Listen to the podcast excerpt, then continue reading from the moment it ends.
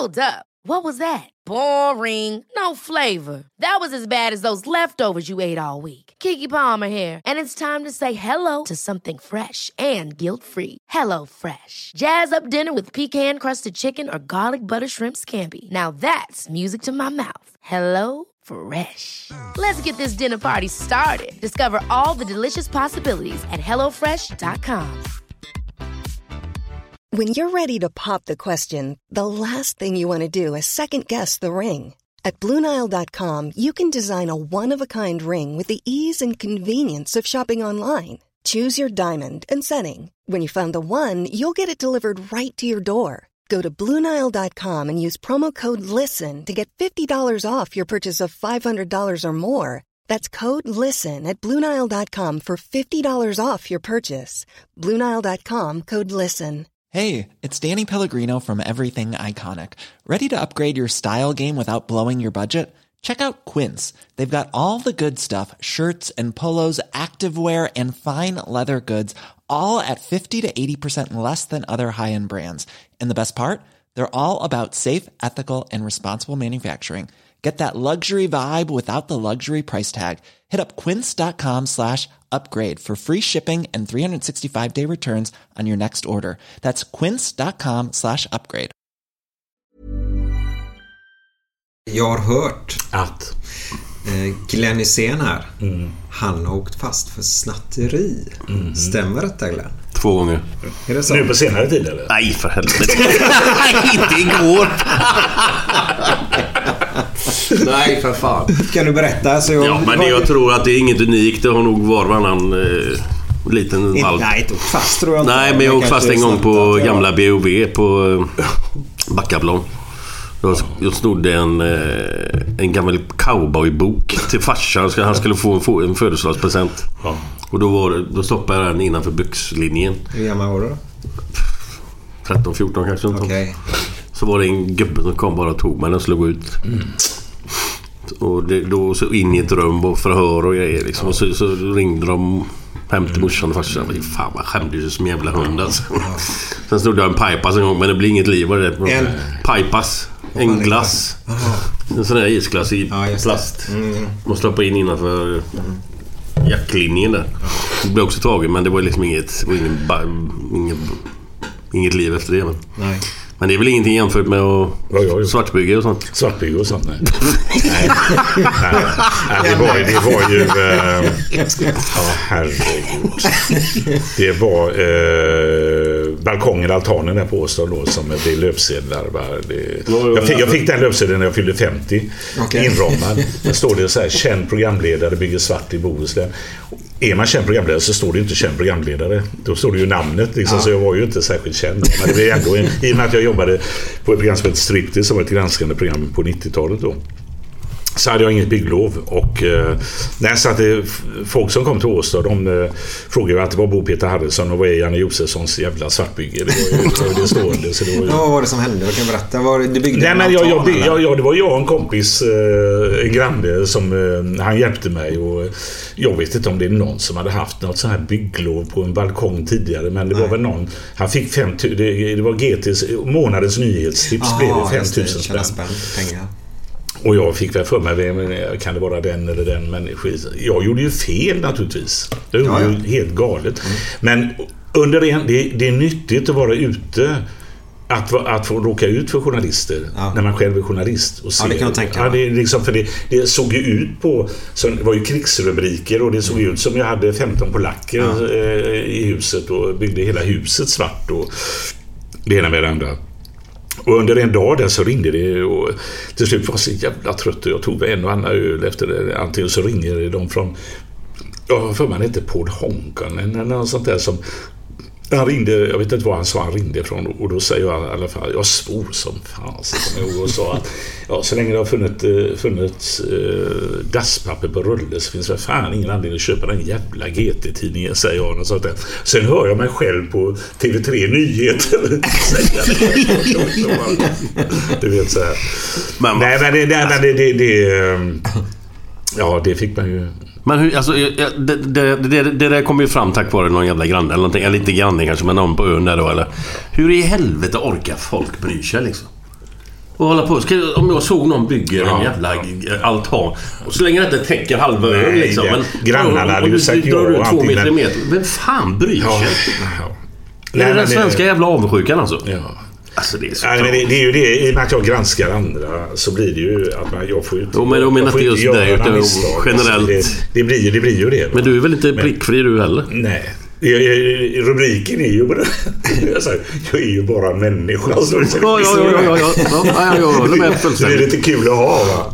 Men eh, det har ju varit värre löpsedlar om, eh, när det är mera så här Om dig? skilsmässa och såna här grejer. Det varit. just Eh, och likadant med Eh, vid något tillfälle så eh, var jag i debatt med en en kvinnlig författarinna då, som, eh, eh, och då tog jag upp det här att eh, män är djur. Och jag sa vad är det för eh, alla människor, alla män är väl inte djur va? utan det är väl eh, det är ju det här inställningen också om att eh, män, män är medicinska missfoster och sådana här grejer. Och då säger man för fan? Det är ju rena fascismen, du kan ju inte döma ut och du vet så här. Och då blir jag kallad gubbslem och då blir det blev, blev det nyheter om det och sen eh, vid något tillfälle så, det var nog den värsta löpsedeln tror jag. Det var eh, en, eh, någonting om att eh, Sveriges Television, mina jobbarkompisar hade vänt sig ry- ryggen mot mig. Att nu drar, de, eh, liksom, nu, nu är de mot Janne Josefsson och sådär. Och då kom jag en morgon och var jag rätt arg alltså, för jag kände vad fan är detta liksom. Men du... Och då gick alla tjejer, och det var väl det där att jag skulle vara gubbslem helt enkelt. Och då gick eh, faktiskt samtliga, samtliga kvinnliga, och det är rätt många på Uppdrag som är tjejer, ut i ett eh, upprop eh, och sa att, eh, att jag, jag är inte det och är det, någon, det, det finns inte den här um, uh, hos mig. Och det, och det sades också i radion och då, då blev jag så glad så jag grät. Liksom. Ja. För det, det, ja, men det blir, när man, är, alltså man är chanslös ibland. Va? När media bestämmer sig för att här är det då en 60-årig vit heterosexuell gubbe. Då ligger man jävligt taskigt till i vissa situationer, i vissa debatter. Va? Och då, eh, då har man ingen chans. Och det är jävligt nyttigt att vara med om det eh, när man diskuterar journalistik och fattar vad vi kan åstadkomma, vilken skada vi kan åstadkomma och vad bra vi kan göra. Det är det jag menar. Alltså att det, eh, drev, jag har aldrig gått i något drev. Jag, jag har gått mina egna vägar. Va? Men vi, vi, ibland så skapar vi ju drev. Va? Vi hade ju en historia med med eh, fastighetsmässan i, i Cannes där IFKs ordförande Ja, ja, det stämmer det. Bertil eh, Regnér tror jag heter. Och han drabbades ju väldigt, väldigt hårt eh, av detta. Han var ju VD också för eh, kommunala bostadsbolaget här i Göteborg. Och eh, jag har sagt tidigare också att eh, jag försvarar det programmet vi gjorde. Han ställde inte upp och förklarade. Han hade köpt något damplagg och Ja, skrivit upp det som lunch eller någonting. Och eh, jag tyckte det fick oproportionerligt stark... han- Alltså han drabbades väldigt, väldigt hårt. Men jag tycker också att han gjorde fel, att han inte förklarade sig eller någonting eller på något sätt. Och, Eh, jag tycker våra program var okej, men sen blev det ju... Och jag har aldrig mött en sån ilska bland folk som efter det programmet. Det kom fram folk till mig som var helt vansinniga. Och jag sa, ja visst, jag förstår att, du, eh, att det är för jäkligt. Eh, Men herregud, Telia Sonera, det är ju miljarder. Det är ju kanske 5 miljarder. Det här var 220 spänn. Och då får man nästan en känsla av ju mindre beloppet Ja. var, desto jävligare är det. Ja, men det blir lite girigt Ja, det blir på, något sätt, på något sätt. När det är små belopp. Men jag har träffat Bertil efteråt och eh, då sa jag till honom just att eh, jag också drabbats av... Jag sa också att jag stod bakom programmet men jag tycker att du fick lida väldigt, väldigt hårt. eh, Men det där varför- gatlopp och då sa jag men jag har också drabbats av journalister men jag förlorade allt, så han förlorade jobbet. Och IFK var väl lite sådär, de sa du får ta ditt eget beslut och sådär. Men varför skiter han ner sig på en sån grej alltså? Nej. Varför, Nej, nej, varför, det- varför det- skulle han... nej, Alltså jag nej, fattar nej, inte. hur- Det kostar ju ingenting liksom. Nej. Vad fan ska han skita ner sig för det? Får- Får Nej, chansen att bli helt jävla körd alltså. Men oftast Nej, det var ju många kända Blåvitt. Jag tror Ralf Edström och de gick rätt hårt åt honom då. På, Ja, det tror jag. Det har jag för mig också. Ja, jag Jag tror det. förstår inte varför han gjorde det, men- Nej, nej. Men alltså, det, det, det, jag fattar dig också. Och eh, det är väl så, i vissa positioner kan man inte göra sådana grejer då. Det, det, blir, eftersom vi hade, det var ju öppen bar där också va, på skattebetalarnas bekostnad. Mm. Så där, allt det där blir folk jävligt förbannade på. Mm. Och det här är grejer som man kan se, deras egna pengar, liksom du vet eh, skattepengar och så kanske man har taskig hemtjänst och, ja. och då lägger man ihop det. Då, då är det lättare att ta till sig och bli förbannad över än de här mer övergripande grejerna när vi gör om Panama-breven eller ja. Telia Sonera och sådana ja. grejer. Men eh, det, det, är nog hemskt att, att råka ut för eh, löpsedlar dag ut och dag in och drev och, och de ringer ungarna och de ringer eh, anhöriga och sådana här. Journalisterna är... Men du, du sa förut där, när du snackade om det här gubbslem som ja, du nämnde. Ja. Eh, du snackade om att män, män är djur och ja, vad var det andra du sa?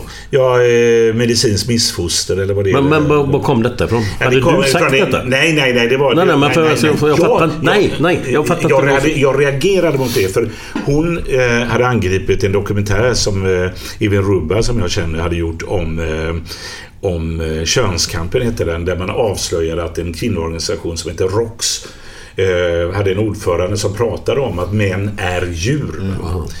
Och, och, då tyckte hon att den dokumentären var för jäklig och det ena med det andra. Och, sådana här saker och då reagerar jag på det att det finns, det finns eh, jag är för jämlikhet, jag är för jämställdhet, självklart alla sådana här grejer. Men det finns vissa inom feminismen som är så eh, extrema att man tycker att män eh, är mer eller mindre djur. Mm. Och, och, och det, det, tycker jag, eh, det är, det, så är det ju inte. Jag, det är väl till och med det här när man börjar prata om... Jag fattar att det är jättetufft för unga tjejer att bli tafsade på alltihopa det här. Men när man var inne här i Göteborg till exempel och ha eh, mansfria zoner och sånt där så tar man ju vissa steg. Det blir ju att vi alla män drabbas då ja, ja. av mm. några få som gör de här grejerna. Mm. Och där är man inne på och man genomför ju inte det. Så att man får nej. inte dra alla män över en kam. Nej, nej, nej. Det, det, det, och det var det jag hade sagt.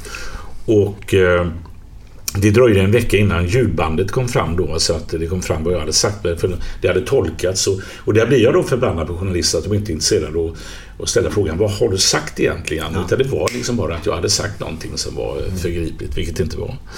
Men eh, då, då har man ingen chans mot journalisterna och det är, mm, det är en läbbig grej. Men det är nyttigt att vara med om. Alltså vi vanliga Svensson då. Mm, mm. Jag kan få uppfattningen ibland att många journalister är ju grisar faktiskt. Om du förstår mig det rätt finns, nu, det, det, det, det finns, framförallt när han kommer in på privata grejer och sånt där som egentligen inte jag tycker har något allmänintresse. Så. Nej. Och, när det, och det, det, det, det, det, är ju ingen tvekan om att det finns journalister som de går över, går, går, ja, de går över tröskeln helt över alla, alla gränser. Ja. Vi är ju beredda, jag är beredd att gå långt i eh, att berätta historier som jag tycker är viktiga. Mm. Uh, grejen är ju att Å ena sidan måste du ha empati och ställa dig frågan, är det rätt att göra det här mot den här mm. människan? Sånt här? Mm. Men vi har också ett granskande uppdrag, så man kan inte bara...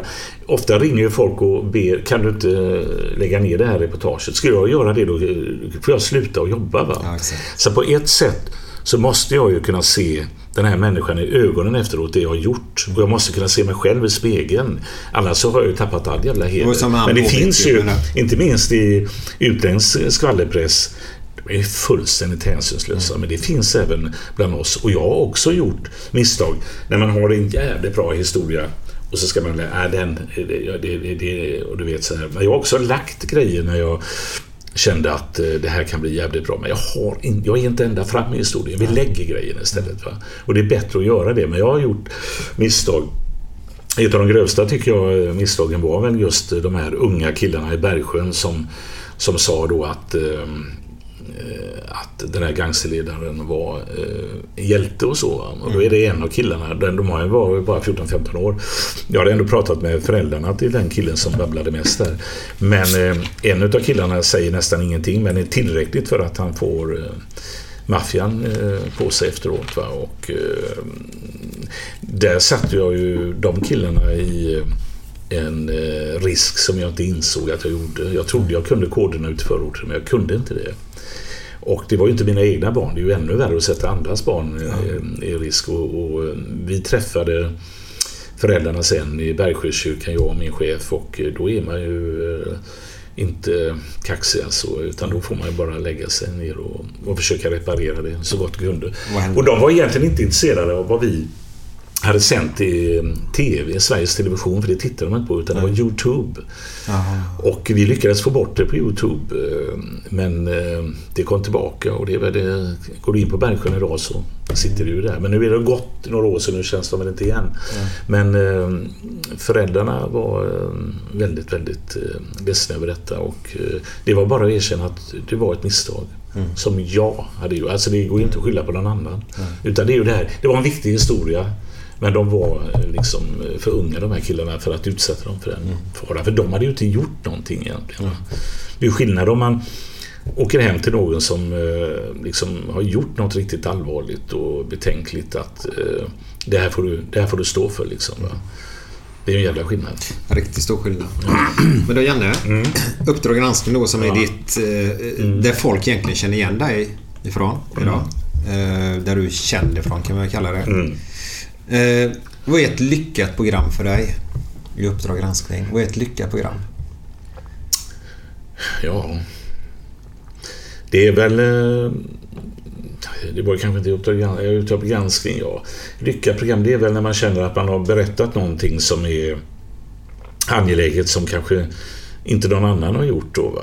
Det, det kan röra sig om... Eh, Valstugereportaget tyckte jag var viktigt. Det blev väldigt hårt kritiserat men det var för att man spelade dubbelt. De sa ju värre grejer än vad Sverigedemokraterna sa när kameran... exakt. de trodde kameran var avstängd. Det var jätteviktigt. Nu var det bara sex dagar före valet. Och det drabbade sossarna, men framförallt Moderaterna. Men jag visste inte vad de skulle svara liksom, när vi var inne. Det var ju inte jag som var inne. Det var, Var det, var det 06-valet detta eller var det? 02. Eller 02? 02, ja. Eh, vi gjorde om eh, Jehovas vittne som eh, dolde sexuella övergrepp. Eh, vad fan, jag har gjort så jävla mycket. Det var eh, eh, Osmo Vallo, liksom Mm. polisen som trampade så att han dog. Och det mörklades. Det var ju för jävligt liksom. För han var inte den farliga killen som de utgav sig. De tog ju miste på honom och en brorsa till honom som var farligare. Och där eh, var ju läkare och professorer och eh, generaldirektörer. De eh, ljög och Hannes och jag nådde ända fram till att avslöja det. Det var jätteviktigt. Det är ju de två grejerna jag har fått Stora Journalistpriset för. Mutskandalen i Göteborg som Nisse Hansson och jag gjorde. Tycker jag var viktigt att visa. För det, det är sällan man kan komma så långt att man kan belägga mutor. Nu blev ju eh, det till slut eh, inte så mycket domar för att det var preskriberat och så. Ja, just det. kan du bara förklara? För jag, inte, jag, jag vet att det blev väldigt lite domar och sånt. Men vad, Ja, det var ju alltid från familjebostäder till eh, Allbäcksbygg. Jaha, var det den härvan? Ja, det var ju den härvan vi gjorde om utskandalen. Men varför blev det inga domar? Alltså, jag tycker Nej, det är blev domar. Allbäck dömdes, va? men det var för eh, lite mindre grejer. En tjänsteman på idrottsföreningen här hade ju fått bland annat ett garage byggt för eh, 200 000. Mm. Men det, det var ju fem års preskriptionstid. Va? Och det, den fakturan betalade han in två dagar innan vi sände programmet. Mm. eh, Eller skickade till honom och sånt här. Va? Så och det var ju en för smal kvinna som var... eh, Ja, de den ska väl som- skilja sig eller något, Ja, det, så det får man akta sig för. Ja, kvinnor Eh, är... Men eh, där, och så var det ju familjebostäder. Det var ju en fastighet i Majorna, Standaret på Ankargatan till exempel. Där de hade blåst på något så fruktansvärt. Och, och, och det var vindarna som var eh, omgjorda bland annat. Det var ju inte bytt någonting. Nej. Alltså du förstår, det var, det var... Och vi kunde belägga då att man smörjde de här personerna som inte var särskilt höga chefer men ändå en jävla maktposition inom bygg och, allmännyttan. Och Pengar som, eh, som borde gått till fritidsaktiviteter i förorten som vi har snackat om tidigare hamnar då bland miljonärerna nere i, eh, i vad var det, Hovås, eh, Särö där nere. Hovås. Ja, det, det, alltså, det är ju där eh, det här ens bakgrund kommer in och det, man får ju passa sig för det där också men det får ju mig att få energi att det här måste fram. Liksom, va?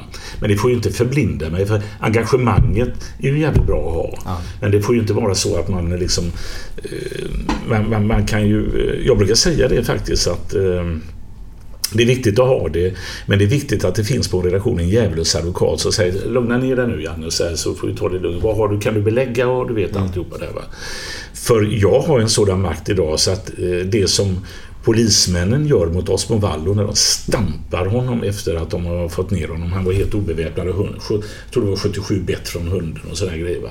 Det är ju att han, han är ju inte människa för dem längre utan han är ju en representant för ett gäng som de Eh, orkar inte med längre. Det, det, kan jag förstå. Jag kan förstå polisen. Men de får inte göra honom till en representant och sen så här och sen mörkläggs det. Ja, om jag med min kamera och den makten jag har är liksom där för att sätta dit människor så kan jag ju skada med, med min kamera och, och, min makt att det är på TV, bästa sändningstid, eh, skada människor och, och, ännu värre om jag inte liksom tänker efter. Jag får inte gå liksom, det här är överklassen, det här är politikerklassen, det här är finanser, det här är rika människor och se dem bara som representanter. Bakom varje finns en människa och bakom varje människa finns i regel en familj, det finns barn. Jag måste tänka till när jag gör de här reportagen att, eh, och i valstugereportaget har jag skrivit eh, ett par, tre böcker om det. Mm. Där de har gått till botten med vad som hände de här personerna som fick avgå. Vad som hände deras eh, familjer och barn som också... Sånt där måste jag ju reflektera över. Kan jag försvara detta? Ja. Eller kan jag inte försvara det? Måste ställa mig den frågan. Va? För annars blir jag ju en lika stor gris som de som stampar ihjäl eller gör... Då blir jag ju en gangster inom journalistiken. Jag vill kunna eh, stå för det jag gör. Så att jag tror jag tvekar och tänker och reflekterar mer över detta än vad kanske många tror att jag gör. Mm. Många ser mig som en jävla social torped.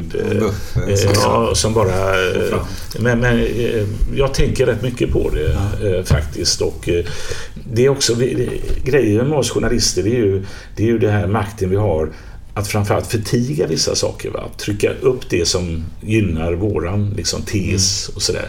Och så håller man nere det som liksom, talar mot den tesen. Va? Mm. Det är ju där våra makt ligger. Och där, får man, och där är ju jag ju... Men det har du blivit kritiserad för? Va? Jag blir absolut blivit kritiserad för det. Så att jag eh, vill verkligen eh, varna för det. Och alla av oss har gjort de felen. Så länge vi inte har någon över oss som ser till att för det, det, är lätt att se det på, jag kan ju se det väldigt lätt hur andra gör detta. Mm. Det är mm. svårare att se det hos sig själv. Förstår du? Därför måste vi ha en som säger liksom, nej men vänta lite nu. Blir du inte sur då? nej men alltså... Jo, men, det kan jag säkert bli. Men det får de tåla. Det får de tåla. Ja. De, jag menar, det, eh, det är klart att man är... Men, ja. Det, det, är bättre att de kommer med den kritiken innan än efteråt. Ja.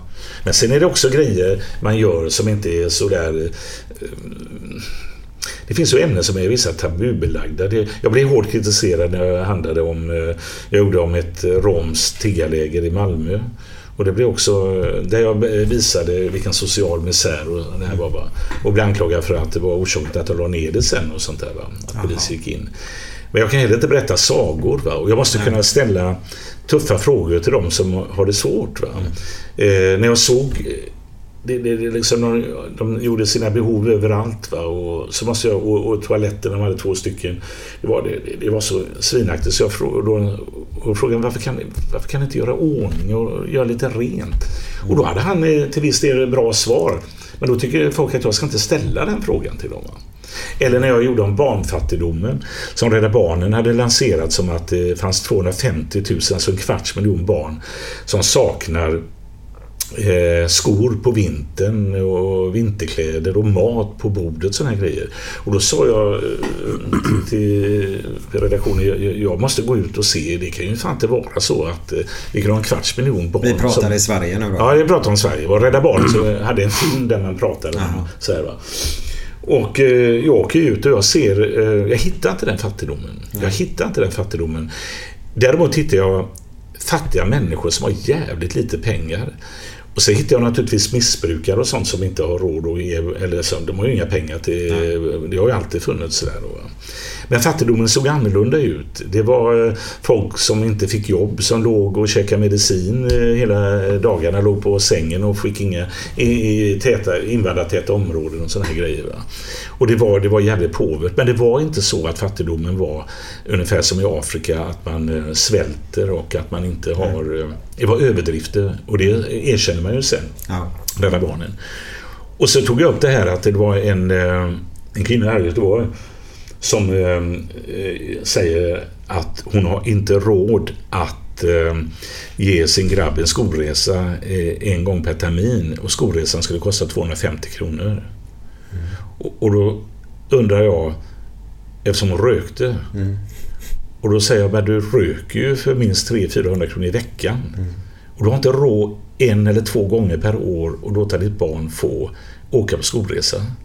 Nej.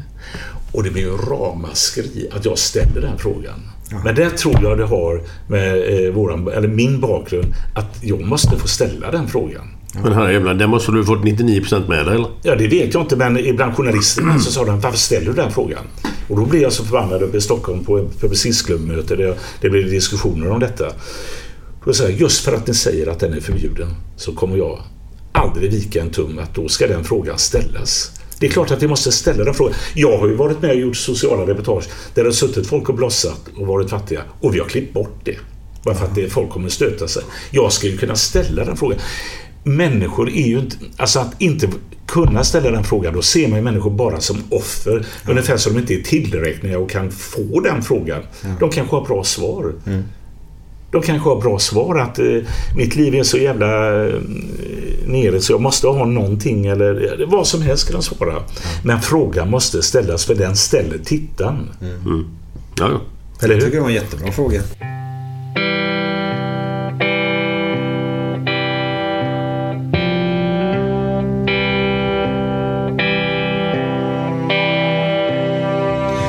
Fem på morgonen i New York City går en man i en sliten gammal hatt. Sveper rocken kring den tunna kroppen, huttrar till. Det har varit kallt i natt. Ser en strumpa sticker ut ifrån hans sko. Vandrar vidare men utan framtidstro.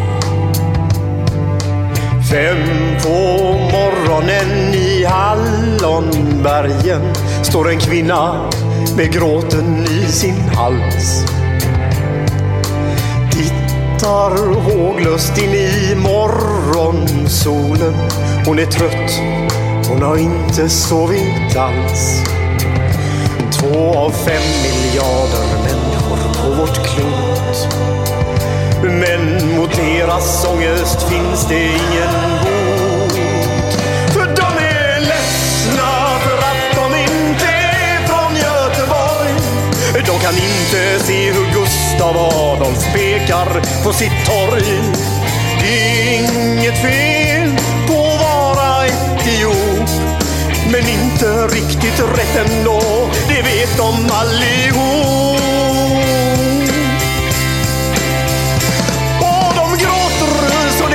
Krampar när de får en mindre syn av hur vi som är från Götet tar en öl på Avenyn.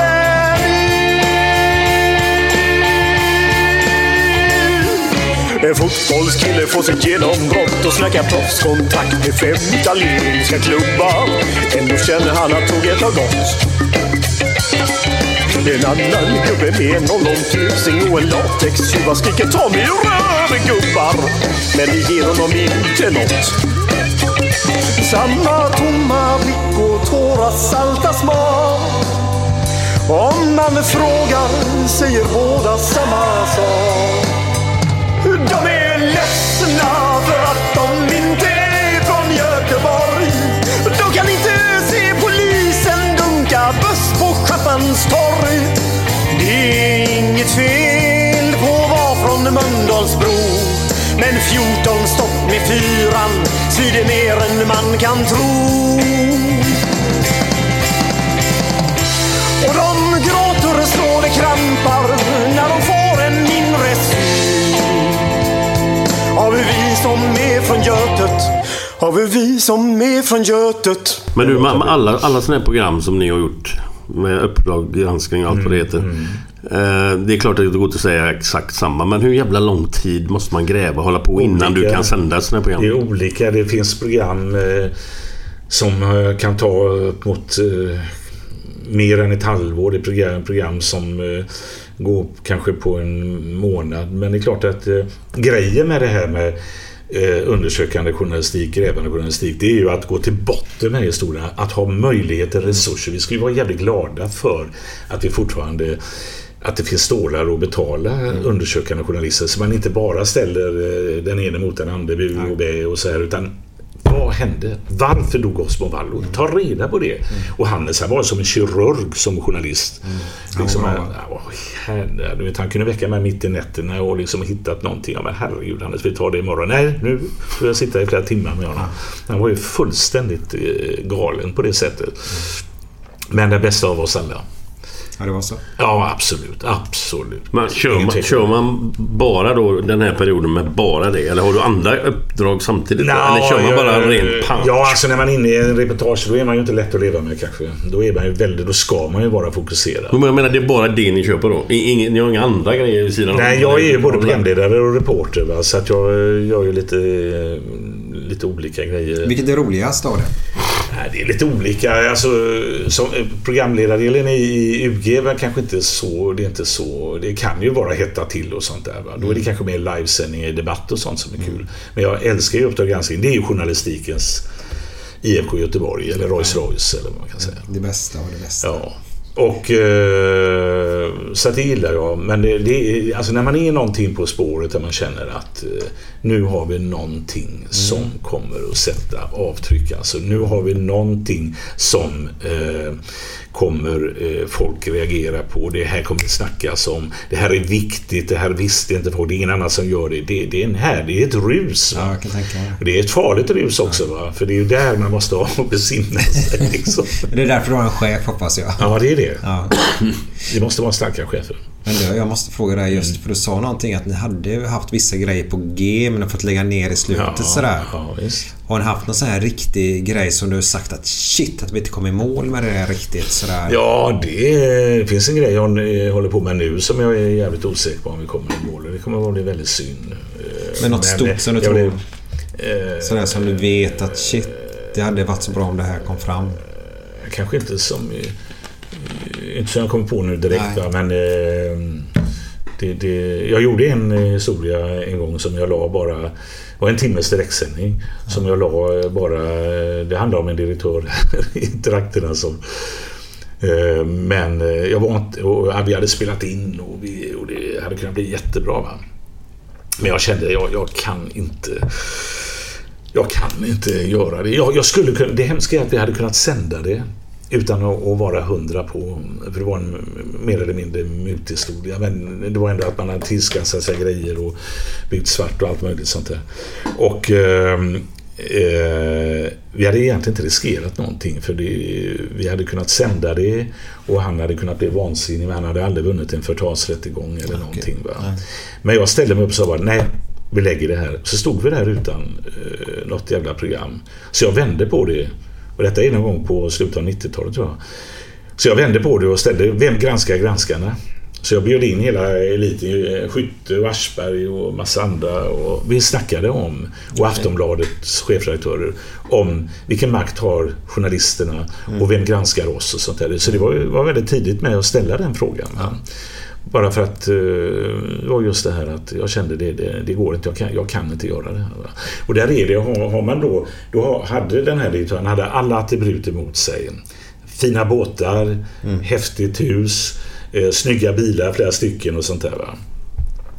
Och när vi var eh, hos honom så eh, eh, jag såg eh, lite vid sidan av såg jag hans dotter där som stod och, och, och, och tänkte jag så här, det är inte han jag ska se i ögonen, det är henne jag ska se i ögonen efteråt. Varför gjorde du detta mot pappa? Och då måste jag vara hundra.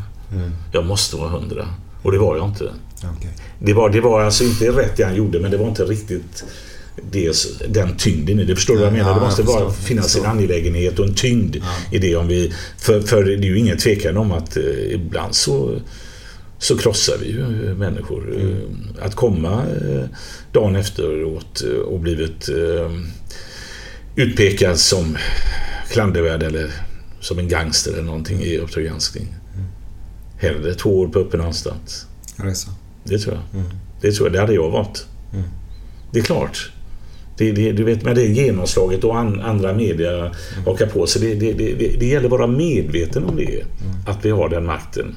För annars blir vi farliga. Men vad fan, gör inte sån skit och så slipper du hamna i det läget. Eller, Nej, men det, alltså, är det- inte skitklädd. Det är fan du ska vara eh, glad att licenspengarna också går till Det väl- någon som gräver fram Ja, men, det, jo, men jag, menar, jag menar att den här killen, det han har gjort. Ja. det- Han får ju för fan skylla sig själv att han Ja men, ja, men det, det var inte tillräckligt. Alltså det, det, det han hade fått, eh, fått igenom var jag nästan säker på att han hade mutat en person. Men jag var inte hundra på Nej, det. Och nej, då, då, det var ändå klandervärt det han hade gjort. Va? Men det var inte tillräckligt. Nej, förstår du? Då, Ja, ska, då ska han inte ha... Nej, nej, det var inte så jag menar. Jag menar bara att vem du än snackar om Ja, med ja. mutor och skit och sånt där. Att om, man, om, om du nu inte gör den där, ta inte de Nej, mutorna. så slipper du fan hamna i den situationen. Men det måste ha en viss tyngd och dignitet på det grejerna. Absolut. Jajamän, det fattar jag.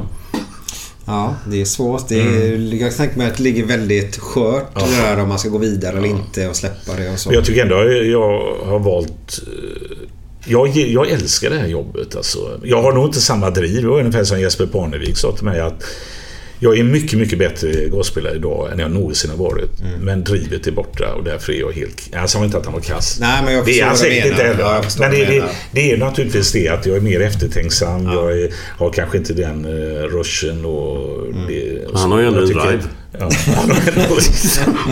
Men jag gjorde faktiskt ett test. eh, Det var min dåvarande fru som jobbade med sånt. Så att eh, hon hade hemma en sån här undersökning man ska ta reda på vad man passar till. Det var 250 frågor så det tog eh, hela en lång kväll liksom. Va? Och eh, vet du vad den kom fram till? Nej. Vad jag skulle bli? Flygvärdinna. det är sant. Men det är ju för att eh, Ja, antagligen att jag är social, jag gillar att bjuda på mat och sånt. Men jag är ju flygvärd, det- den frågan fanns inte med. Nej, jag ska flyga på söndag men jag fick piller av läkaren här idag. Så det... Har du problem med det? Oh ja, fan. Jag svettas bara jag tänker på det. Ja, Men det är lugnt. Men det, säg det till eh, när du checkar in så får du en egen flygvärdinna och åker business class. Det gjorde en kompis till mig när vi var i Los Angeles. Nej, det är sant. Okej. Han gick fram för han, både han och jag var flygrädda. Så vi, när vi, vi flög först till eh, det var väl, vem ska vi se, vad fan var vi nu? Det var väl New York då, va? eller om det var Washington eller någonting. Men det var ju genom nästan Bermuda-triangeln och, och vi skojade, nu är det Hurricanes och så. Jag visste att han var rädd och blev han så här. Men han var jävla skräckslagen när vi skulle flyga hem från Los Angeles. Så att han, han, sa, han gick fram och sa jag är extremt flygrädd. Och sen när vi klev på flygplanet så kom det fram en flygvärdinna och sa jag är din flygvärdinna eh, under den här resan. Och då har han fått en notering att han var extremt flygrädd. Och han fick, han fick kunna beställa precis vad han ville. Och redan innan take-off kunde han ta på risken. Men detta är ju inte en klok klass. Det är ju, fan, det är ju bara... eh, Jag har aldrig eh, försökt det. Nej. Lasse Brandeby var ju extremt flygrädd. Ja, det kommer jag ihåg. Jag sa jobbade med honom när vi skulle flyga till, till eh, Stockholm. Han, eh, han var ju så knäsvår. Han tog flygcertifikat sen, vet du. Så Jaså? han överlevde. Ja, ja, visst. Han flög själv sen. Absolut. Ja, vad coolt. Ja, jag, jag trodde inte det var möjligt. Det är ju riktigt häftigt. Han var alltså. den roligaste människa jag någonsin Han var roligare privat än vad han var på scen någonstans. Han var helt otrolig. Du, Men jobb... du, vi... vi ja, förlåt. ja. Nej, men du jobbar ju med... Jag jobbade med honom med radio där på 80-talet mellan... eh, Vi jobbade på lokalradions eh, station i Borås då, tillhörde Radio Göteborg på den tiden då mellan 83 och 87. Vi hoppade av ungefär samtidigt. Men vad gjorde ni för radio? Vi gjorde något som hette Efter timmen. Vi, timmen var det, ja. ja. där vi eh, på sena torsdagskvällar då. Va? Frank gjorde väl lite grann. Vad skulle det jag skulle fråga? Frank, ja. han. Ja, Frank och jag var ju klasskamrat på Journalisthögskolan. Gunnarsson. Ja, Gunnar- Frank Gunnarsson. Ja. Han, han är ju i Frankrike nu och lagar hus och, och sådär. Han gick i pension tidigt, 59 år. I Nordstan. Det var jävligt roligt. Jag var där. Men eh, Lasse och jag jobbade... Vi, vi ville både roa och oroa folk. Va? Så vi, eh, det hände ju att vi ringde upp eh, han, diktatorn Pinochet. Ja, men den vill jag höra nämligen. För... Nej men det var ju så att det ni var tioårsdagen av Chilekuppen så att vi eh, tog dit en tjej som kunde spanska så vi började ringa där och vi kom ju allt närmare och närmare och, och vi kom ihåg det här hur de, eh, eh, vad hette han, eh, eh, eh, vad hette han, eh, presidenten där nu? Eh, ja, Victor Jara hette i alla fall han där trubaduren som var så känd, va, som högg händerna och hade fingrarna sägs det. Och ehm, Och så var det ju en kupp då, en fascistkupp då. Och så var det tioårsdagen. Så, så, så satt vi där och sa, vi, då kan man ju liksom bjuda in några chilenare och snacka om det där. Men vi, vi, Exakt. fan, vi ringer Pinochet och spelar Victor Jara i örat om vi vill fram. Och i vilket fall som helst så, eh, och vi kom allt närmare vet du, och närmare och in i Morera-palatset och kom till någon och hon sa det här är liksom eh, en journalist här från Europa som vi pratade med Pinochet. Det går inte. Och sen kommer närmare och närmare. Och då säger jag så här, vet du, att eh, när någon, eh, han säger, någon gubbe så här, "Nej, det går nog inte. Han, säger, vi är framme hos Pinochets närmaste man i alla fall. Va? Och så eh, säger jag, det här är en hälsning från efter timmen i Borås, säger jag. Här är Victor Jara som eh, ni hör känderna av och såna här grejer. Precis när, när jag lägger på den här låten så hör man någon säga, si Pinochet. Förstår du? Och, så, och, och, och, och låten är på så här va. Och sen tar det väl ungefär 15 sekunder man hör han lägger på lite. Va? Och folk trodde inte det var sant. De trodde det var Hey, I'm Ryan Reynolds. Recently, I asked Mint Mobile's legal team if big wireless companies are allowed to raise prices due to inflation. They said yes. And then when I asked if raising prices technically violates those onerous two year contracts, they said, What the f are you talking about, you insane Hollywood ass?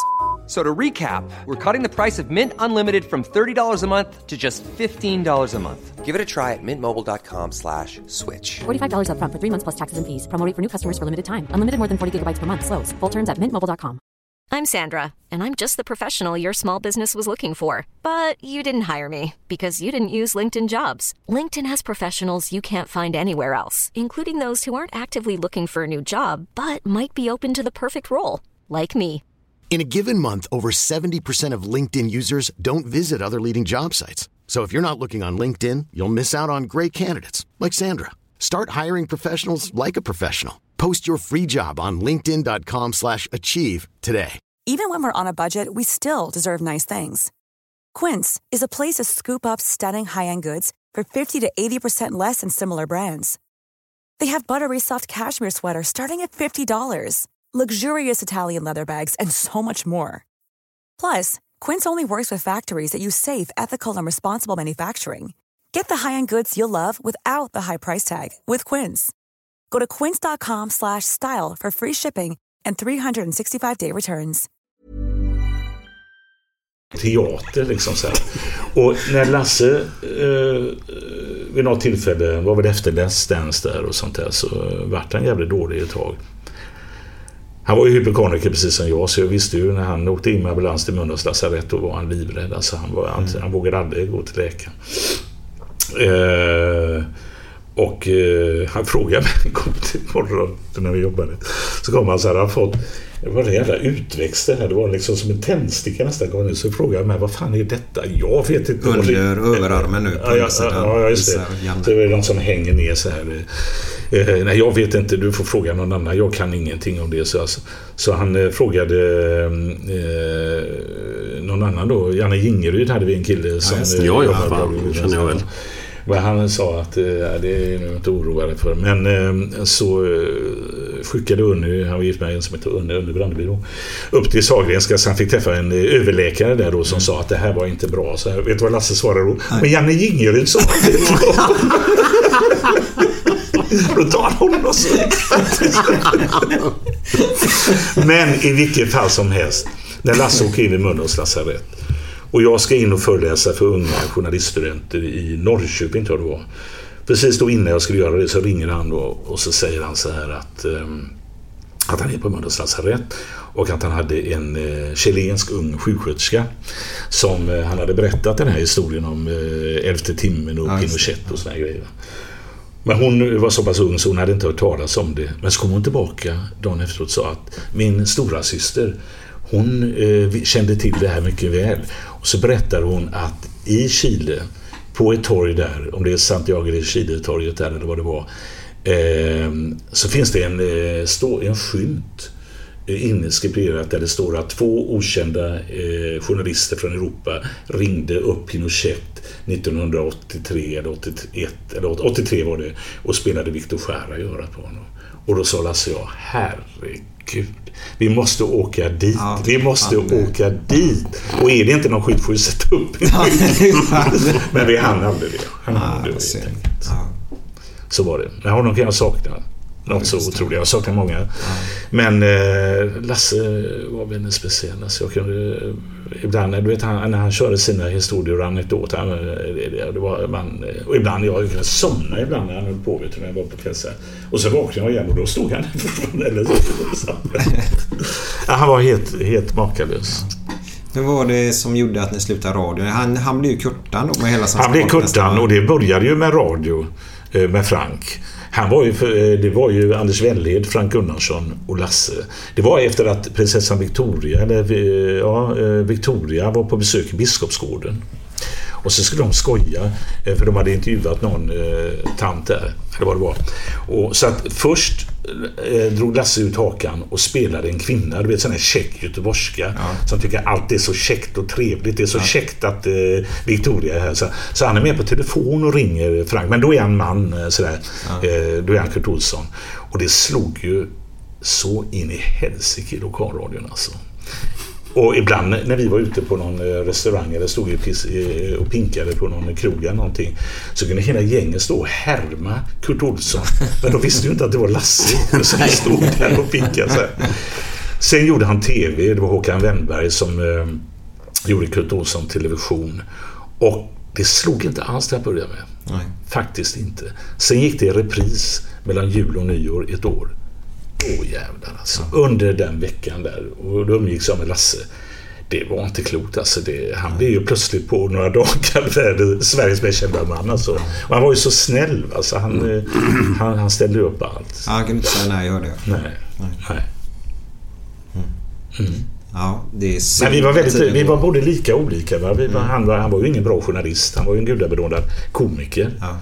Men det var en bra... Eh, jag som eh, samhällsjournalist och han eh, kom från Journalisthögskolan där. Och det var en kombination som blev jävligt eh, Jag kan bra. mig det. Ja, det var kul. Det var, vi hade kul.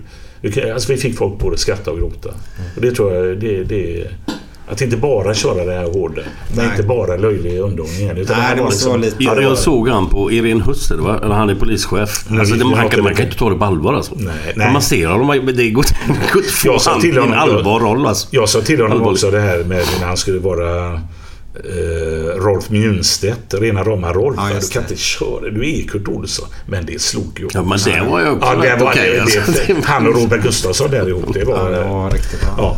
Nej men det... Mm, Spännande. spännande. Eh, göteborgska. Ja. Vi ska ha en stående punkt nu Glenn. Vi har sagt att vi måste ha detta nu. Vi Mm. börjar med det nämligen. Eh, Janne, ett ord som du använde när du var yngre, liten. Ett göteborgsk uttryck. Vad var det? Göteborgs Enna naturligtvis. Enna. Och vad det nu betyder. Ja, det betyder väl enna ingenting. Eh, Ja, det betyder väl enna ingenting. Det betyder väl nästan eller någonting. enna- Men enna. ja, ganska. Enna, enna, enna. Sen, eh, ja, vad är det annars speciellt? Jag vet inte. Jag tänker inte så mycket på det här med Nej. Göteborg. Jag bodde ju i Stockholm en hel del eh, och jag bodde utanför Göteborg. Jag flyttade tillbaka först när jag var mitt inne i stan då till jag var eh, 48, 50 år nästan. Men när jag kom till radion i Stockholm, jag började på Sveriges Radio i Stockholm 75-76. Fick fast anställning 77. Men sen trivdes jag, eller det blev- var mest jobb och det var kul i Stockholm men jag längtade, vi åkte, jag och min dåvarande fru åkte ner ändå till Göteborg på helgerna så där rätt mycket så att jag, det var därför jag tog tjänsten då i, i Borås där min syster hade flyttat till Bollebygden och så. Ehm, så jag längtade till Göteborg. Men när jag kom upp så fick jag en, tal, en kvinnlig talpedagog när jag skulle börja prata rikssvenska då där uppe. Va? Eh, Som man skulle göra på Sveriges Radio och eh, det var samma talpedagog som kungen hade för övrigt. Och, då, och, och då sa hon till mig, du, du har en bra röst men du har väldigt låga ö, sa hon. Jag, tänkte, låg, jag fattar inte vad hon menar. Låga, höga ö. Jag fattar, men det är ju det här rörelse, eller vet göteborgska, ö, låga ö. Sånt där. Så det skulle man arbeta bort, tyckte hon då. Och det gjorde jag nog också. Så Jag har nog eh, kanske när jag spikar och pratar i radio eller TV kanske lite mer striktare. Du kan ändra det bara sådär. Ja, men jag... Eh, nej, jag, jag tycker inte jag pratar utpräglad göteborgska. Men, men hör, alla hör ju att jag är från Göteborg. Ja. Det gör de. Men, men sådana här riktiga eh, knö, enna, perra... Eh, vad fan är det för Göteborgsuttryck som... Nej, bara om du hade använt något sådär Nej, specifikt inte, jag som du kommer inte visste. ihåg det så här. Men, eh, Vad är det du alltid säger? Ha det gött. Jag har det gött ja. Ha det gött. Men det är, det är precis som att det har blivit en jävla grej som jag har sagt för några Min ena år sedan. son säger alltid det. Jo men för att, för att alltså det, det kom ju med Twitter och detta. Att det skulle stå ha det gött längst Mm. Ja. bak. Och det är precis som att det var någonting som kom då. Ja. Det har jag sagt för Men det fan blir- sedan jag var Ja, tio. ja. Men det förknippas ju med dig. Jo, jo. Men det är ju en grej som man säger efter Ja, en men det är vanlig mening. Att avsluta en konversation. Ja, ha det gött. Det blir ju bara normalt. Inget... Du, Nej, nej, nej. Du får hjälpa Glenn att stämma Sibylla. För de har ju avslutat sin reklam. Ja, jag såg det. Har de ingen fantasi eller? Det är ju som Radio Partille. Har du inte varit med där? Jo. Radio 88. Jo. Det är ju min favoritstation ibland. Ja. Vad är det de har på eh, julen mellan jul och nyår? Så här, de har någon eh, reklam där va? Eh, någon eh, korvkiosk. Vad är det de säger? Gött gott mos. nytt år och gott mos. Eller vad är det? Gott nytt Eller vad är det? Något sånt där. Ja, det, det är ju folk som spelar poker ibland. Ja, Gött mos säger ja, det. ja, just det. Ja, det är det de menar. Det är en god känsla. Nej, men den är ju rolig. Radio Partille där. Där har ju funnits en del. Stefan Garyd jobbar ju där och Jag kommer ihåg att jag gjorde något program där, med, där man fick välja låtarna själv och så emellan varje snack man hade då med dem så fick man välja en låt. Radio 88 eller något också va? Är det Ja, det var 88? det det är samma. Det är samma. Ja. Radio Partille, Radio 88. Så han ligger på den frekvensen om ni vill söka. Ja, de har, eh, jag har en stående inbjudan där. Jag får ta mig dit någon gång. Men jag, jag har varit med och eh, svarat dem när de ringt någon gång. Så här. Och så Morgongänget har du väl varit med? Heter Ja. det Morgongänget fortfarande? Eller? Ja, Mix Megapol. Mix Ja, Megapol heter ja. det. Men de heter ju Morgongänget som är på morgonen. Mm. Eh, en annan fråga till dig då Janne. Mm. Våga ta debatten då. Eh, du har sagt så här då. Den måste ni journalister ta. Mm. Eh, demokrati är debatt. Debatt är demokrati. Mm. Eh, det är ett jäkla russel här nu på sociala medier sånt har jag sett med Bokmässan här nu. Mm.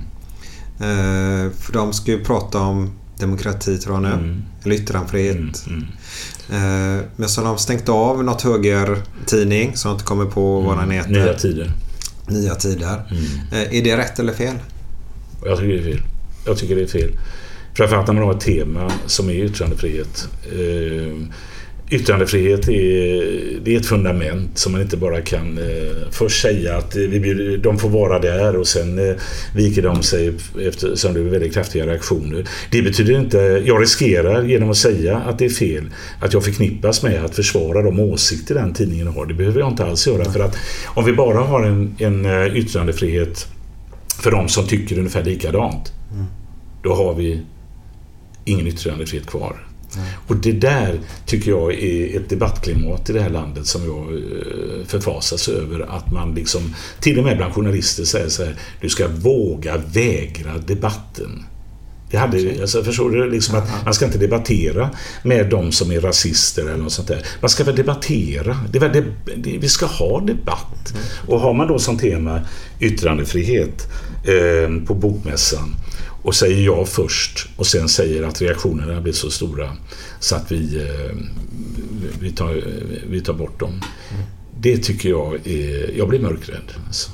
Jag tycker... eh, eh, Jag vet vad det är, flera av de här som skriver de här tidningarna. Jag har följt de här eh, eh, ända sedan tidigt 90-tal, nynazister och en del är kameleonter. En del har förändrats och sånt där. Va?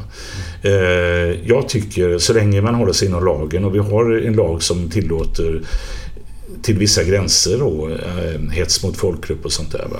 Så tycker jag, om man nu ska ha eh, yttrandefrihet så eh, ska de inte bojkottas när de väl har sagt ja. Jag det, det, det, det jag, jag, när jag hörde det här att de skulle ha tema yttrandefrihet och att de hade det här, den här tidningen så tänkte jag jag kommer räkna dagarna till de viker ner sig och det dröjde inte många dagar. Och jag tycker det är mm, just att att att göra det efter att det har blivit sådana reaktioner. Ja, då viker de ner sig. för, yttrandefriheten är inte någonting som alltid är så jävla trevligt. Va? Yttrandefriheten är ju rätten att kränka, rätten att eh, säga obehagliga saker, eh, skrämmande åsikter, alltihopa det där. Mm. Och sen i en öppen debatt så tar man den fighten, om man nu står för någonting annat. Mm. För kväser du den debatten så jäser det här bara ännu mer. Mm. Alltså det, det är ju det här eh, när, man döl, när man döljer saker och ting eller när journalister då vägrar att ta i vissa frågor. Då får de ju, och nu får de ju verkligen vatten på sin kvarn och säga att det här vågar de inte, de vågar inte släppa fram oss. Det är censur och alltihopa. Va? Så att det, jag, jag tycker att eh, det, det, det, men det är symptomatiskt. Det, det är inte högt i tak. Nej. En annan grej jag tänkt på. Du är insatt i allt det där. Jag var inte så jävla insatt i politik och sådär men man har ju alltid hört i alla fall om Göteborg, arbetarklassen och det, är, det har varit så rött som det går att få någonsin. Och liksom socialdemokrati och... Ja, ja, visst. Är det så fortfarande i Göteborg? Socialdemokratin har väl haft väldiga svårigheter, inte minst i Göteborg. Och det är väl en del, det är väl eh, mutskandalen skyller de på. De, eh, Eh, de har ju sagt vid något tillfälle här eh, att eh, orsaken att det går så dåligt för socialdemokratin är, det är att Uppdrag gransknings redaktion ligger i Göteborg och sånt där. Så de ville ju omplacera oss, eller vad fan det var de, det var någon som sa. Men ehm, det är ju inte riktigt det. Det är ett starkt fäste för socialdemokratin.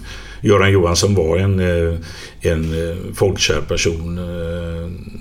Han hade sina sidor och sånt där, men han, var, han, han hade väl en förankring. Han hade väl en förmåga, han hade en känsla för det här. Han tog alltid spårvagnen de gångerna han ville känna av hur ligger vi till nu. Det Han hade ju en förmåga, en slags samma förmåga som Bert Karlsson har vad det gäller musik. Eh, Samtidigt som han förknippades med dåligt omdöme och så, så är han ju en jävla begåvning, Bert. Sen kan man tycka vad man vill om honom men eh, de fins, fisfördämar har ju alltid föraktat människor som kanske inte har den där samma fina inställningen till saker och ting som de själva har. Eh, nej, jag tror det är uppluckrat. Eh, det är väl så att eh, jag tror de hade haft en ännu sämre situation om det hade funnits en starkare opposition eh, och så. va. Men det har de har inte, har inte lyckats få fram det riktigt. Men, eh, nej, men de har skadats av mutskandalen, de har skadats av en del saker. Kanske Västlänken, kanske en del andra grejer. Va? Men eh, nu har de väl ingen riktig sån här portalfigur heller. Nu är det soffan här som... Hon har ju varit i politiken i många herrans år. Hon började väl tidigt på Volvo tror jag. Men vi har ingen sån här typ landsfader då? Eller Göteborgsfader? Nej... Om en fader det- just då med böter. Men... Anneli Hultén var väl inte heller sådär jättefolkkär. Jag vet inte. Det är svårt för mig att säga. Men Kändes bara som en grå massa där. Eh, hon såg ju, ibland när vi gjorde om mutskandalen och när vi gjorde om eh, Mippin och sådär. Hon var ju där och så var det mest att hon beklagade och det var sorgligt och alltihopa det där. Men eh, jag vet inte. Jag, det, det, alltså det, det, det, jag tror att det kan komma att hända väldigt mycket och röra om. Det ju redan börjat, alltså det här gamla, det, de här partierna är nog gamla reliker. Va? Det går snabbt. Den starkaste kraften överhuvudtaget i hela västvärlden nu, det är anti-establishment. Allt emot att det- etablissemanget. Va? Det är därför Trump kan vara ändå, eh, eh, även för folk som har det jävligt taskigt, kan tycka äntligen någon som rör om, äntligen någon som Ja, säger vad, vad han är det. tycker och sådär. Va? Och eh, man föraktar eh, det etablerade. Och där ingår vi journalister. Vi är en del av det, va? så vi får vara försiktiga. För vi har nog sett våra bästa dagar. Jag tror att vi håller på att tappa. Vi, vi har i och för sig rätt dåligt förtroende bland folk. Vi är väl ungefär som begagnade bilförsäljare eller bankdirektörer. ligger där nere i botten. Men eh, vi, vi, vi kan... Eh, Jag menar, vi kan ju inom eh, några månader vara utan Göteborgs-Posten, utan eh, en tidning i den här stan. Det är ju eh, oerhört anmärkningsvärt i så fall.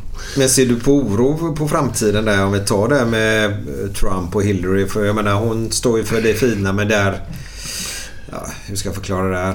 Men, men alltså det, det, det knakar lite ute i, husknutarna gör det ju lite grann.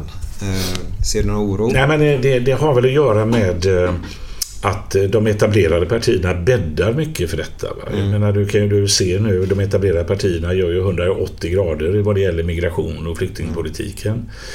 Hur uppfattar folk det? Det vet inte jag. Va? Men om man, om, om man bara för ett år sedan sa någonting som var helt förkastligt och nu genomför det. Jag vet inte hur folk, eh, om det gynnar eh, Sverigedemokraterna eller sådana eller inte. Jag vet inte. Eller tvärtom. Men eh, det, det, de här trogna sossarna som du... Det, det, det, är ofta väldigt gamla människor. Det ser man ju om man går in på arbetarkommunen och sånt där. Va? Så jag tror de får... Så man kan se att socialdemokratin i hela Europa har, har problem. De tillhör ju en period där de verkligen också kunde leverera, som jag berättade förut, vår uppväxt. Det var ju då reformer. Idag uppfattar ju människor den nya tiden att de kommer till korta. Problem med hemtjänst, åldringsvård, sjukvård, massor av det här håller ju på att rämna. Just det här, om inte de etablerade partierna levererar trygghet, mat på bordet, arbete och sånt där. Då är vi illa ute. Då kommer de här populisterna både till vänster och höger och göra sig gällande. Det är ingen tvekan om det. Men så lever vi i en högkonjunktur idag. Om man säger Ja, Sverige det gör är bra ekonomiskt. Absolut, Säg, absolut. säg om vi skulle få... Det skulle Absolut. rasa alltihopa Ja, nu då då. jävlar. Men det kan gå fort. Ja, och det, ting. det, kan jag också tror göra det det. kan gå jävligt snabbt. Men eh, det går ju bra för Sverige på många olika sätt. Va? Men just den här tryggheten hos folk. Man får inte, alltså, när, I och med att vi har skapat vissa områden där människor känner att de kanske inte längre vågar ha ungarna ute på eh, gården.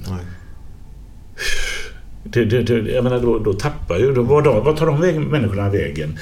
Vad tar deras förtroende för samhället vägen? Och vad gör de själva? Och det, alltihopa det där. Det, det, det, det är en tid, en brytningstid. Som kan, där vi inte riktigt vet vad, vart vi tar vägen. riktigt. Det är en spännande tid. Men jag menar en, en tid här i somras, varenda dag man vaknade upp så hände det ju grejer. Och, eh, man tror inte sina eh, öron eller ögon. Liksom? Men eh, det är klart att herregud, det är klart att vi har klarat värre saker. Eh, sådär, Man måste ju vara optimist, annars kan man ju inte vara förälder. Och man måste ju låta barnen... Men det, men det sätter sig på barnen också, rädslan. Liksom. De, när det här pumpas ut, och det ska ju pumpas ut. Det ska ju fram, vi kan ju inte dölja hur det ser ut. Va? Men eh, det, man måste ju ha roligt också. Så är det. Man måste kan, ha kul. kan du förklara en grej för mig, Janne? Härskarteknik. Mm. Det borde du veta exakt vad det är, va? Mm. Kan du förklara det för mig och Glenn? Eh, Jag kan säga att eh, två personer som eh, har den förmågan Mm. på olika sätt gjorde jag en dokumentär om på 97-98. Menar du vår statsminister bland annat, eller? Carl? Bildt och Göran Persson. Ja. Göran Persson var ju statsminister då? Ja, nej, jo, han var statsminister då. Ja, det var han Mm. väl. Ja, just det. Och så det härskarteknik. Ja, härskarteknik. Det är att förminska... Jag kan säga så här personligen, jag spyr på det. Men du får gärna förklara. Nej så men alltså det, det, det, är väl det här, eh, han är väl också... Men, alltså, Göran, jag, Carl Bildt är, han kan vara jävligt rolig, kan vara trevlig så här, men han, han kan ju liksom samtidigt som han läser Herald Tribune kan han ju svara så här, lite nonchalant på frågor och sånt där. Va? Men den som behärskade bäst var nog Göran Persson. Alltså, för att, eh, jag kommer ihåg första gången jag träffade honom då. Och då var han trevlig, så det var för att jag, jag ville följa dem då i valet då. Va? Vilket han gick med på, men först när man träffade honom så här. Sen, sen tar vi hissen upp, jag ska göra två intervjuer, men tar vi hissen upp då är Sveavägen 68, eller vad det är i Stockholm då. Och då smickrar han mig först, ja journalistikens guru, det ska bli roligt att träffa dig och sådär. Och eh, sen sätter vi oss ner, två kameror, tror jag det var. Nej, det var, jo, två kameror var det va. Ljudtekniker och... Och det första han säger till mig så här. Och det här var väl någon gång i, efter semestern och i augusti. Så här. Det var hemskt vad du ser sliten ut, säger han till mig. Sliten ut, säger jag. Ja, du, du ser ju alldeles sliten ut. Men herregud, jag är ju precis kommit från semester. Jag är sliten utav mig, säger jag till, till, till, till ljudteknikern. Ja. Alltså förstår du? Det är så jävla typiskt Göran Persson tror jag. Eh, för jag har hört så många historier. Och lite grann av det tog vi också upp i den. Hur han har kränkt och förnedrat. Är det att trycka ner på andra alltså? Ja, men alltså det är ju det här att utnyttja sin maktposition till att eh, låtsas som en människa nästan inte finns. Va? Det är väl det du menar egentligen. Ja, jag det här är kanske det- det- mera att reta, att psykologiskt försöka få ett övertag. Det får han ju, för du går ju och tänker på det sen Ja, då. ja. Nu har ju kommit upp sig. Nej men klart, härskarteknik är väl kanske mera det här att man nästan inte ser en människa. Va? Så att jag och Janne sitter här och skulle diskutera nu någonting. Så jag har fått säga min åsikt och Mm. spytt ut den. Så ska du svara på detta. Och du avbryter det då? då? Nej, nej, då tittar jag åt något annat håll. Ja, du är totalt tittar på klockan, ja, lyssnar ja, inte. Leif GW Persson gör ju lite Ja, så. han är ju sån. Han utnyttjar det och folk tycker han är en Ja, ja, han är ju helt god gubbe ändå. Ja, faktiskt. Men jag kan säga det, eh, man brukar prata inom journalistiken.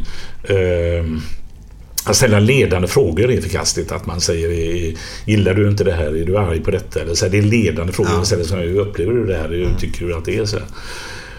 Jag ställde en fråga till en städerska en gång. En helt ledande fråga. Jag frågade bara, ser de ner på dig här? Så svarade hon så här. Nej, de ser varken upp till mig eller ner på mig. De ser mig inte.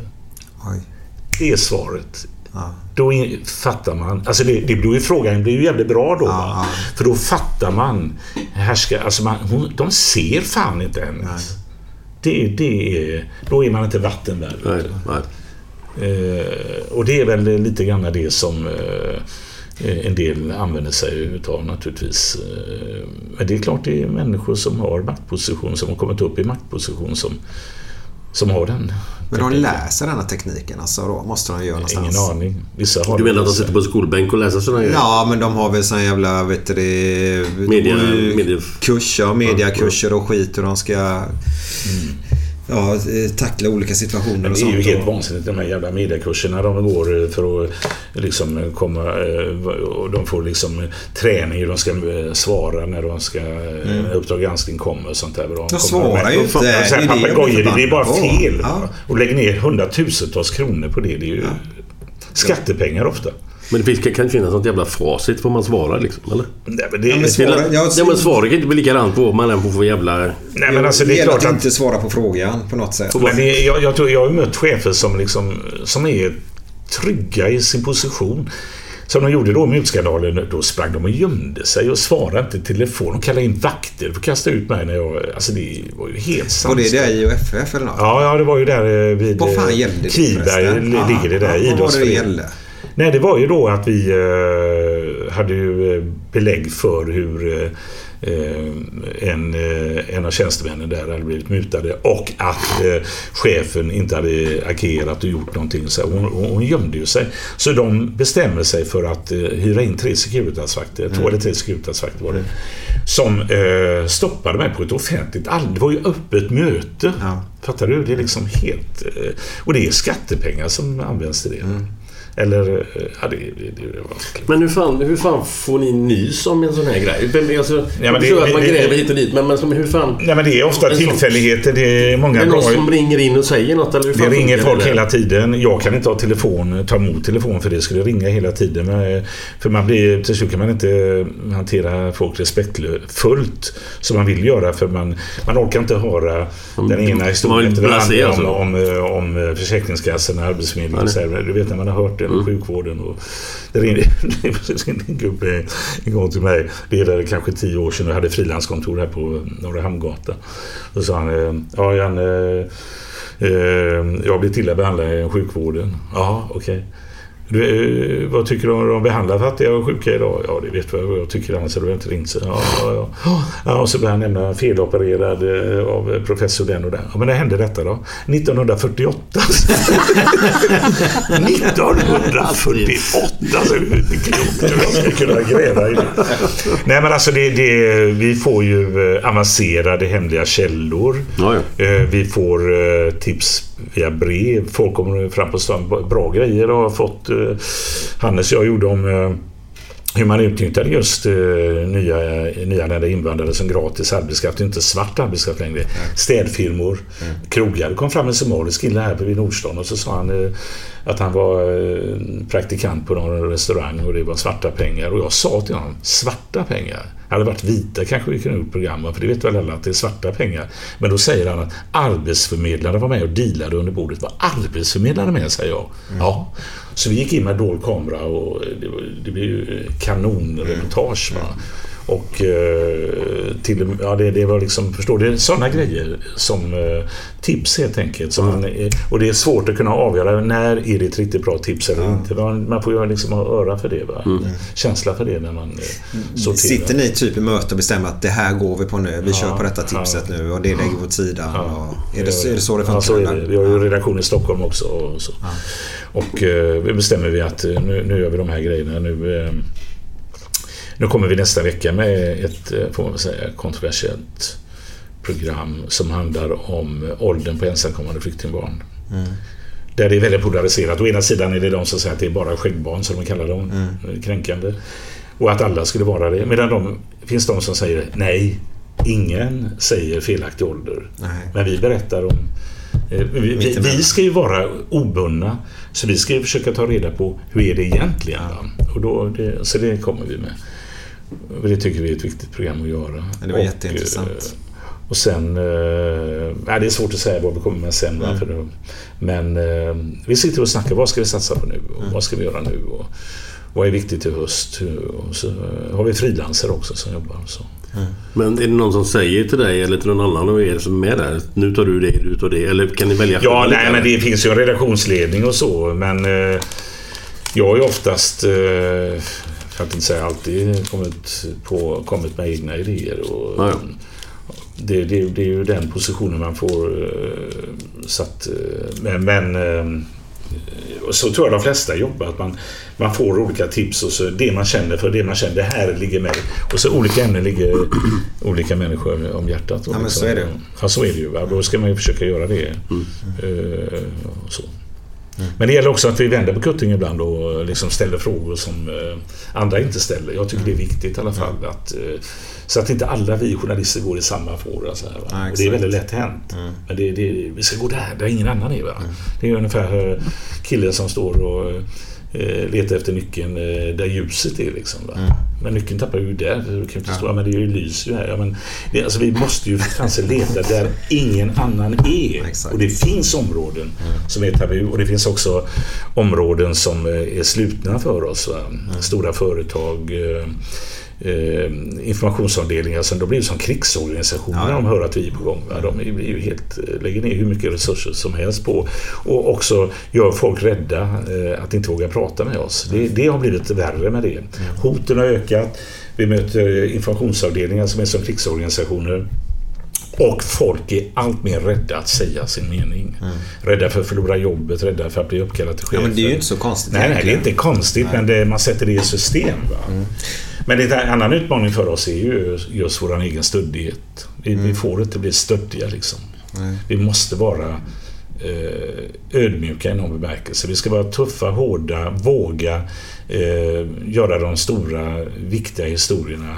Eh, men vi måste eh, veta vår eh, makt. Liksom. Veta att vi kan skada mer än göra nytta. Men vi kan också göra jävligt mycket nytta. Även om liksom, det är inget roligt att, att ta fram eh, dåliga grejer om person och organisation eller vad det är. Va? Men det är ju så man förbättrar samhället. Ta det hellre så att det kan göra att eh, saker och ting kan bli bättre. Men jag förstår väl också att folk blir skraja när vi kommer och dyker upp. Ja, men så är det. Så är det. Så är det. Ja. Du sitter på en makt. Så Ja, är det. absolut. Ja. Vi ska ju snart här börja. Herregud. Men det är väl ingen... Det men du, jag måste bara fråga. Det är väl ingen av de andra som är med i den här eran eh, organisation där som har lika... Liksom om, om någon går in i en butik så är det ingen jävel som vet vem det är knappt. Eller det är bara du det handlar om. Det är väl dig Det det... vet jag inte. Det blir väl att jag För de andra syns ju inte, eller vet ju inte lika, eller syns inte lika mycket. Reportrarna syns ju inte lika mycket och sådär men eh, det är väl en del reportrar som sticker ut och lite grann. Men det, jag har ju varit med sedan starten av UG och personifierat det kanske lite grann. Ja, det är ju Men, eh, ansiktet utåt helt enkelt. Så är det.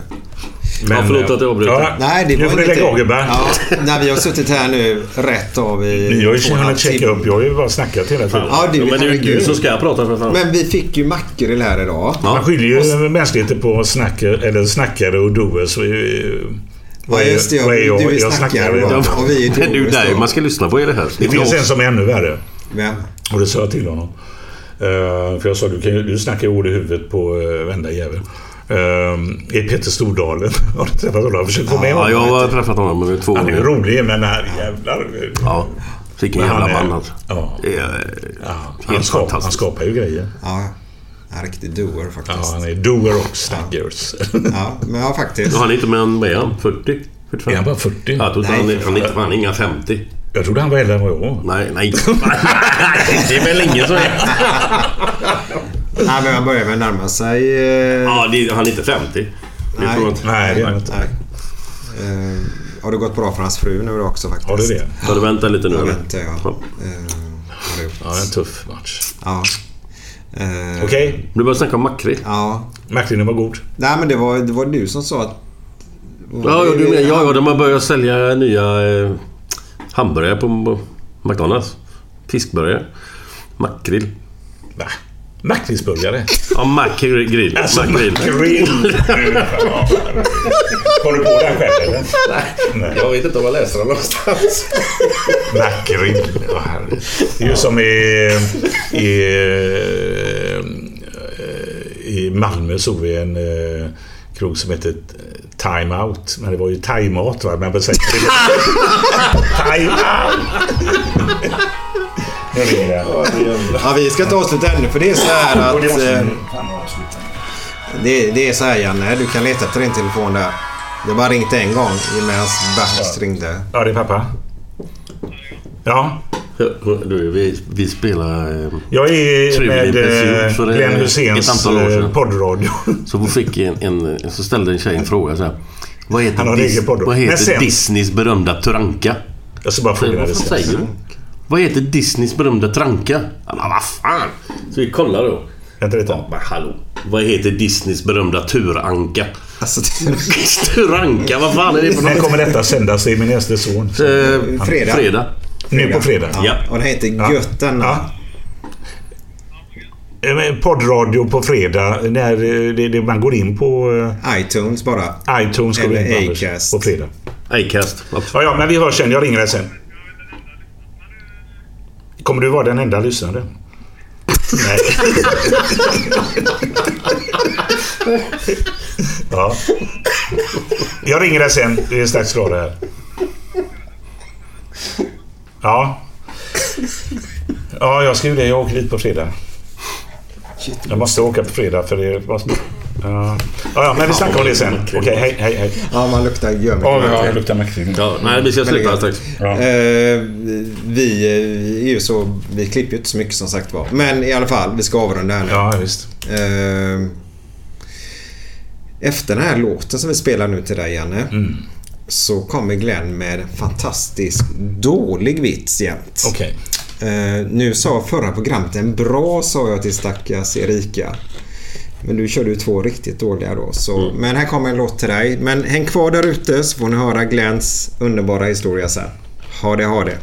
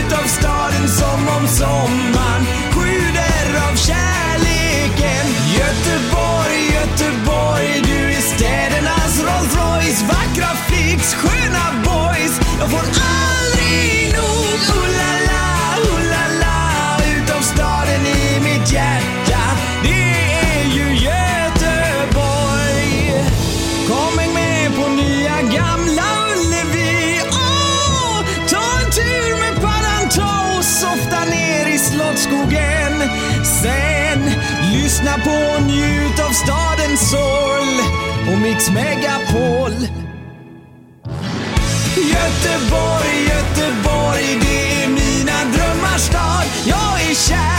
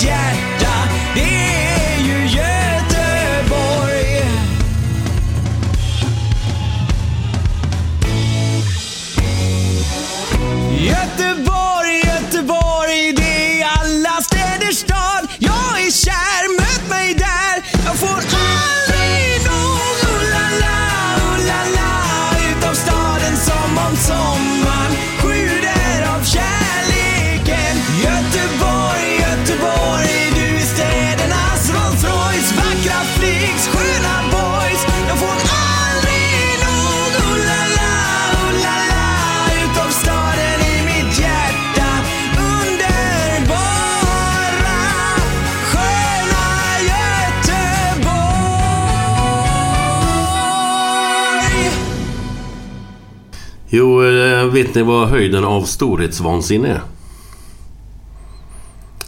Det är en mygga som flyter på rygg i Dalslands kanal med stånd och ropar ÖPPNA BRON! Ja, fy fan. Jag orkar inte höra ens. Men Janne, det är så här att den här Bert Karlsson dragit i den här podden. Va? Vad säger du nu? Bert Karlsson drog den i våran podd i program 4. Nej. Jo. Vad drog han för något? Den här historien. Drog han denna? Nej. Nej, det gjorde han väl fan? Jo, så Har- du får ta en annan nu. Åh herrejävlar, det har det har jag helt Men glömt det gör av. väl inget? Nej. Ja, jag är- Men vad fan, helvete, det, tog- det kommer inte jag på. Eh, eh, ah, den hade ju, jag hade ju helt släppt den. Nej, men kör den igen. Jag kom på en nu. Kom du på en ett tag? Ja. Eh, det var faktiskt, jag tyckte den var så jävla rolig. Jag sa till Hasse Andersson vet ni vem det var? Han Ja, sa ja, gubben nummer ett. Här på radio. På Radio Göteborg. Han sände från Kjell Knippla en gång så hörde jag. Och så kom eh, direkt då va, på morgonen. Och så kom det en gubbe. Och så sa han, eh, så frågade han, ja eh, du eh, så och så. Har du, har du varit uppe tidigt? Nej, jag gick upp rätt sent men jag har hunnit slå ihjäl tre flugor i alla fall. Jaha. En, en hane och två honor. Va? Hur vet du om det är honor eller hanor? Hur kan du se skillnad på det om du har slått ihjäl flugor? Eh, Jag har två satt på telefon och en satt på en öl.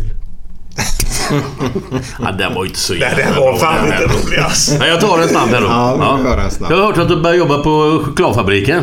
Japp! Ja, finns det kvar? Finns det kvar? Ja, finns det kvar tror jag. Det tror jag. Ja, ha det, ha det. Ja, fy fan. Ha det Hej då, hej då. Hej, hej. Ja, gud, säger jag bara. Hey, it's Danny Pellegrino from Everything Iconic. Ready to upgrade your style game without blowing your budget? Check out Quince. They've got all the good stuff shirts and polos, activewear, and fine leather goods, all at 50 to 80% less than other high end brands. And the best part? They're all about safe, ethical, and responsible manufacturing. Get that luxury vibe without the luxury price tag. Hit up quince.com slash upgrade for free shipping and 365 day returns on your next order. That's quince.com slash upgrade. Ever catch yourself eating the same flavorless dinner three days in a row? Dreaming of something better? Well, HelloFresh is your guilt free dream come true, baby. It's me, Gigi Palmer. Let's wake up those taste buds with hot, juicy pecan crusted chicken or garlic butter shrimp scampi. Mm. Hello Fresh. Stop dreaming of all the delicious possibilities and dig in at HelloFresh.com. Let's get this dinner party started. Hey, it's Paige DeSorbo from Giggly Squad. High quality fashion without the price tag. Say hello to Quince. I'm snagging high-end essentials like cozy cashmere sweaters, sleek leather jackets, fine jewelry, and so much more. With Quince being 50 to 80% less than similar brands. And they partner with factories that prioritize safe, ethical, and responsible manufacturing. I love that. Luxury quality within reach. Go to quince.com slash style to get free shipping and 365 day returns on your next order. Quince.com slash style.